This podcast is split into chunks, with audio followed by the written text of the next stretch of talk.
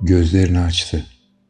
Kül rengi naylon bir çuvalı paçavralar ve kağıt parçalarıyla doldurarak oluşturduğu yer yatağından doğru ağır hareketlerle. Elini ağzına kapama gereği duymadan uzun uzun esnedi. Dışarı kulak kabarttı sonra. Müzik sesi inceden inceye duyulmaya başlamıştı. Başucuna koyduğu Hong Kong malı masa saatine çevirdi gözlerini.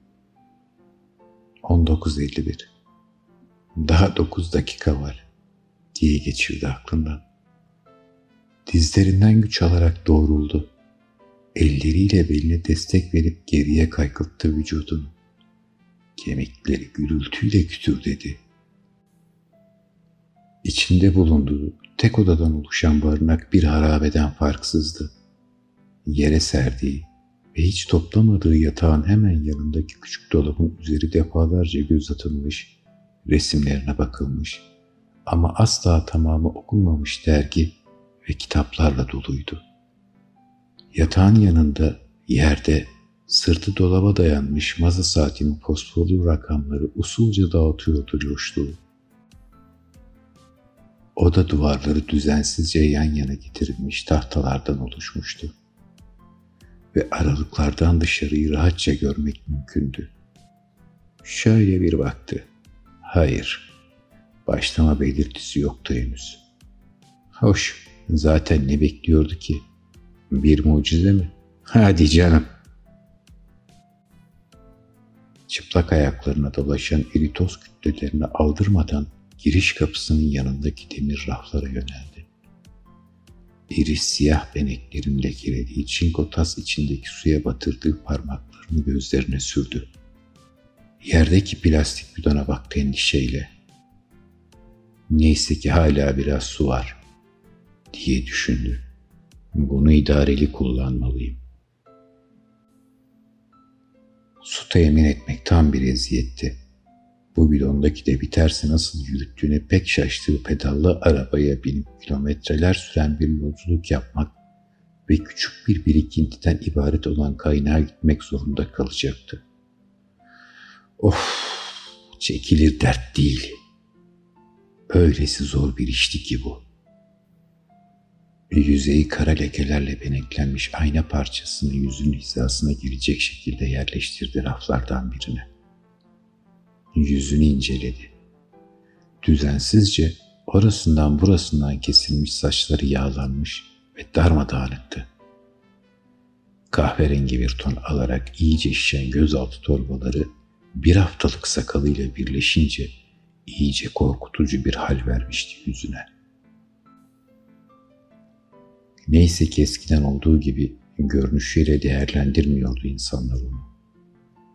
Yolda yürürken tekme atan çocuklar küçümseyici gözlerle bakarak ay yaş, pis serseri, alkolik diye hakaret eden yetişkinler yoktu artık. Tüm dünyayı yerle bir eden nükleer savaşın ardından geberip gitmişti hepsi. Yani neredeyse hepsi. Fazlalıkları tıraşta, Kalan bize yeter. Hasat zamanı, hasat zamanı.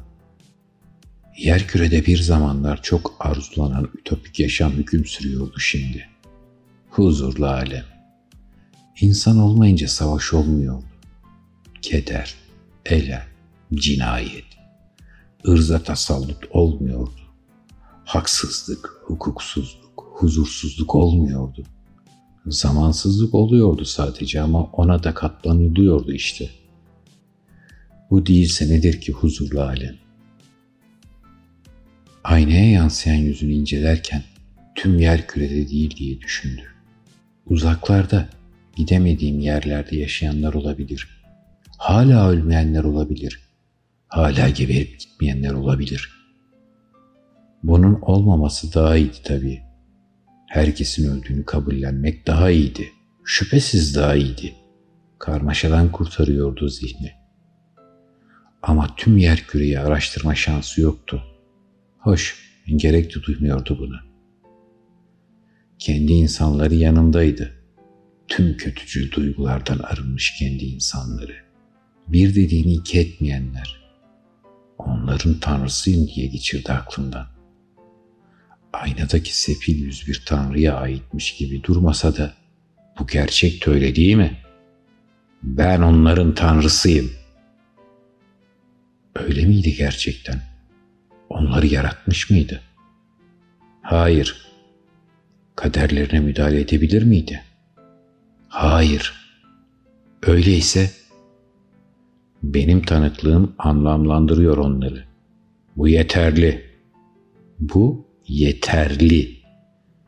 Ben olmasam kimse gözlemlemeyecek onları. Tanrıydı. Evet. Aciz ama Tanrı. Aciz bir Tanrı.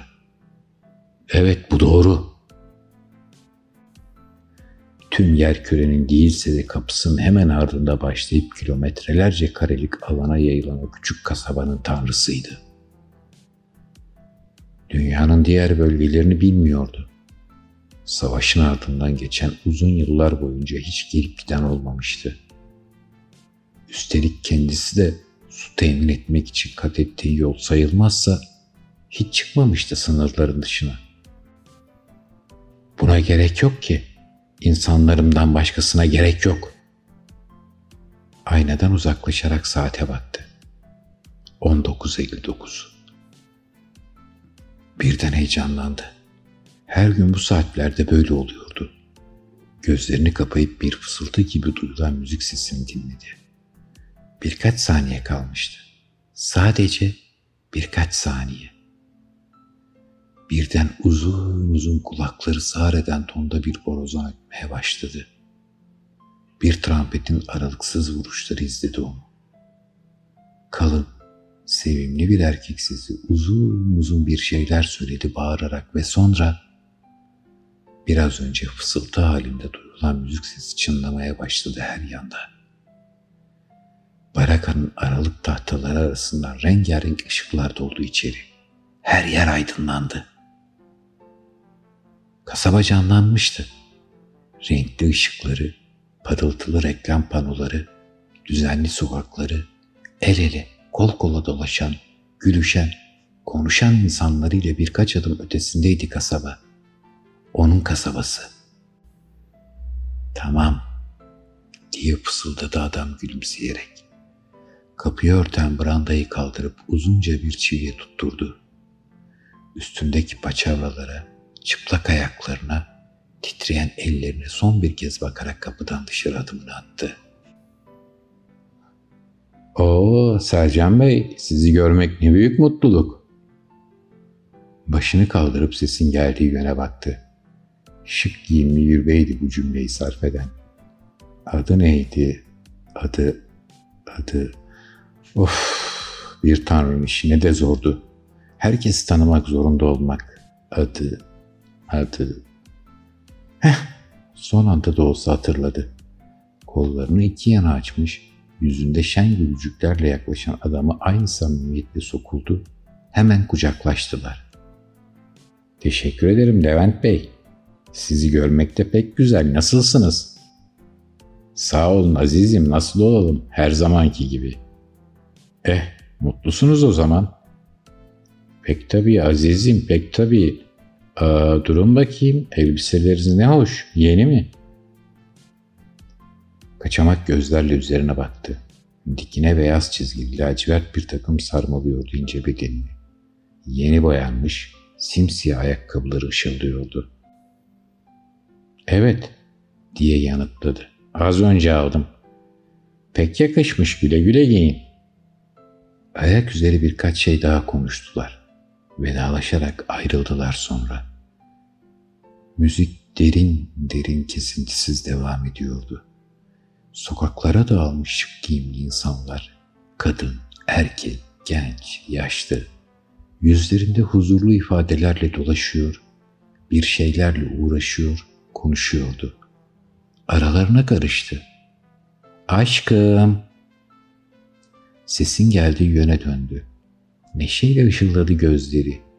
Gülsevi diye mırıldandı gülücükler saçarak. Canım.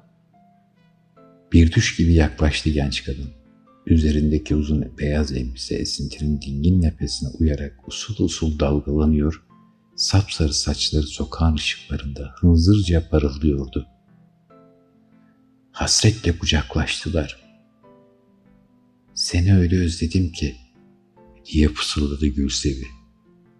Ben de diye karşılık verdi adam. Saatler oldu. Bitmek bilmez saatler. Dudakları birleşti. Dakikalar boyu öpüştüler tutkuyla. Çabuk olalım dedi Gülsevi. Zaman öyle çabuk geçiyor ki. Tut elimi aşkım. Hırçın bir nehre atılır gibi girdiler yaşamın renklerine. Başını yıldızlara açmış bir çay bahçesinde sohbet ettiler dostlarıyla. El ele, gönül gönüle dolaştılar kasabanın sokaklarını. Ağaçların yemyeşil dallarını berrak göl sularına eğdiği bir kurda rüzgarın türkülerini dinlediler. Seviştiler. Zamanı anmadıkları uzun konuşmalar yaptılar hevesle. Yine ve yine ve yine seviştiler. Ansızın bir karabasanın gerçekleşmesi gibi hiç sevmedikleri o ses yankılandı her yanda. Borazan uzun uzun öttü. Korkulu gözlerini saatine çevirdi adam. 23.55. Hayır. Ne çabuk geçti, ne çabuk. Diye inledi. Narin parmaklarıyla sevdiği adamın temiz yüzünü okşadı Gülsevi. Küskün, ağlamaklı bir dalga dolaştı gözlerinde. Üzülme, dedi. Yarın, yarın. Trampetlerin aralıksız vuruşu izledi borazanın sesini. Dört saat önce neşeli başlangıcı duyuran tatlı erkek sesi yine aynı tonda ama bu kez hiç istenmeyen cümleler kullanarak konuşmaya başladı sonra. Sevgili ziyaretçilerimiz, Ütopya Eğlence Kenti'nin 4 saatlik mesaisi bu gece de sona erdi. Siz yarın yine hologram kentimiz ve insanlarımızla yaşayacağınız güzel düşlere davet ediyoruz. Görüntülerin gerçekçi olması için beyninize gönderilen duyu altı sinyaller bir dakika sonra kesilecektir. Kısa süreli bir şok yaşayabilirsiniz. Telaşlanmayın. Kucaklaştı iki sevgili. Gözlerinden süzülen yaşlar yanaklarında birleşti. Aynadaki bir görüntü gibi silikleşmeye başladı Gülsevi. Önce gözleri, sonra elleri, beyaz elbisesi, saçları ve sonra uyanılan bir düşün tatlı anısı gibi bütün kasaba, renkli ışıkları, pencerelerden taşan müzikleri, sokakları, evleri, ağaçları, gölleri ve insanlarıyla tüm kasaba yok oldu. Rüzgar yalnızlığını akıtmaya çalışırcasına ağlayan çıplak ayaklı adamın gözyaşlarını kirleterek kurak arazinin sarı tozlarını yıldızlara doğru üflemeye çalıştı. Başardı da. Yine de yıllar önce yok olan bir medeniyetten miras kalan ve her akşam toprak altındaki onlarca düzenleyici tarafından yeniden hareketlendirilen hologramik kasabanın anılarına dokunmadı. Çünkü o anılar aciz bir tanrının kullarıyla sonraki buluşmasına dek kuşanacağı yaşam ilmiydi.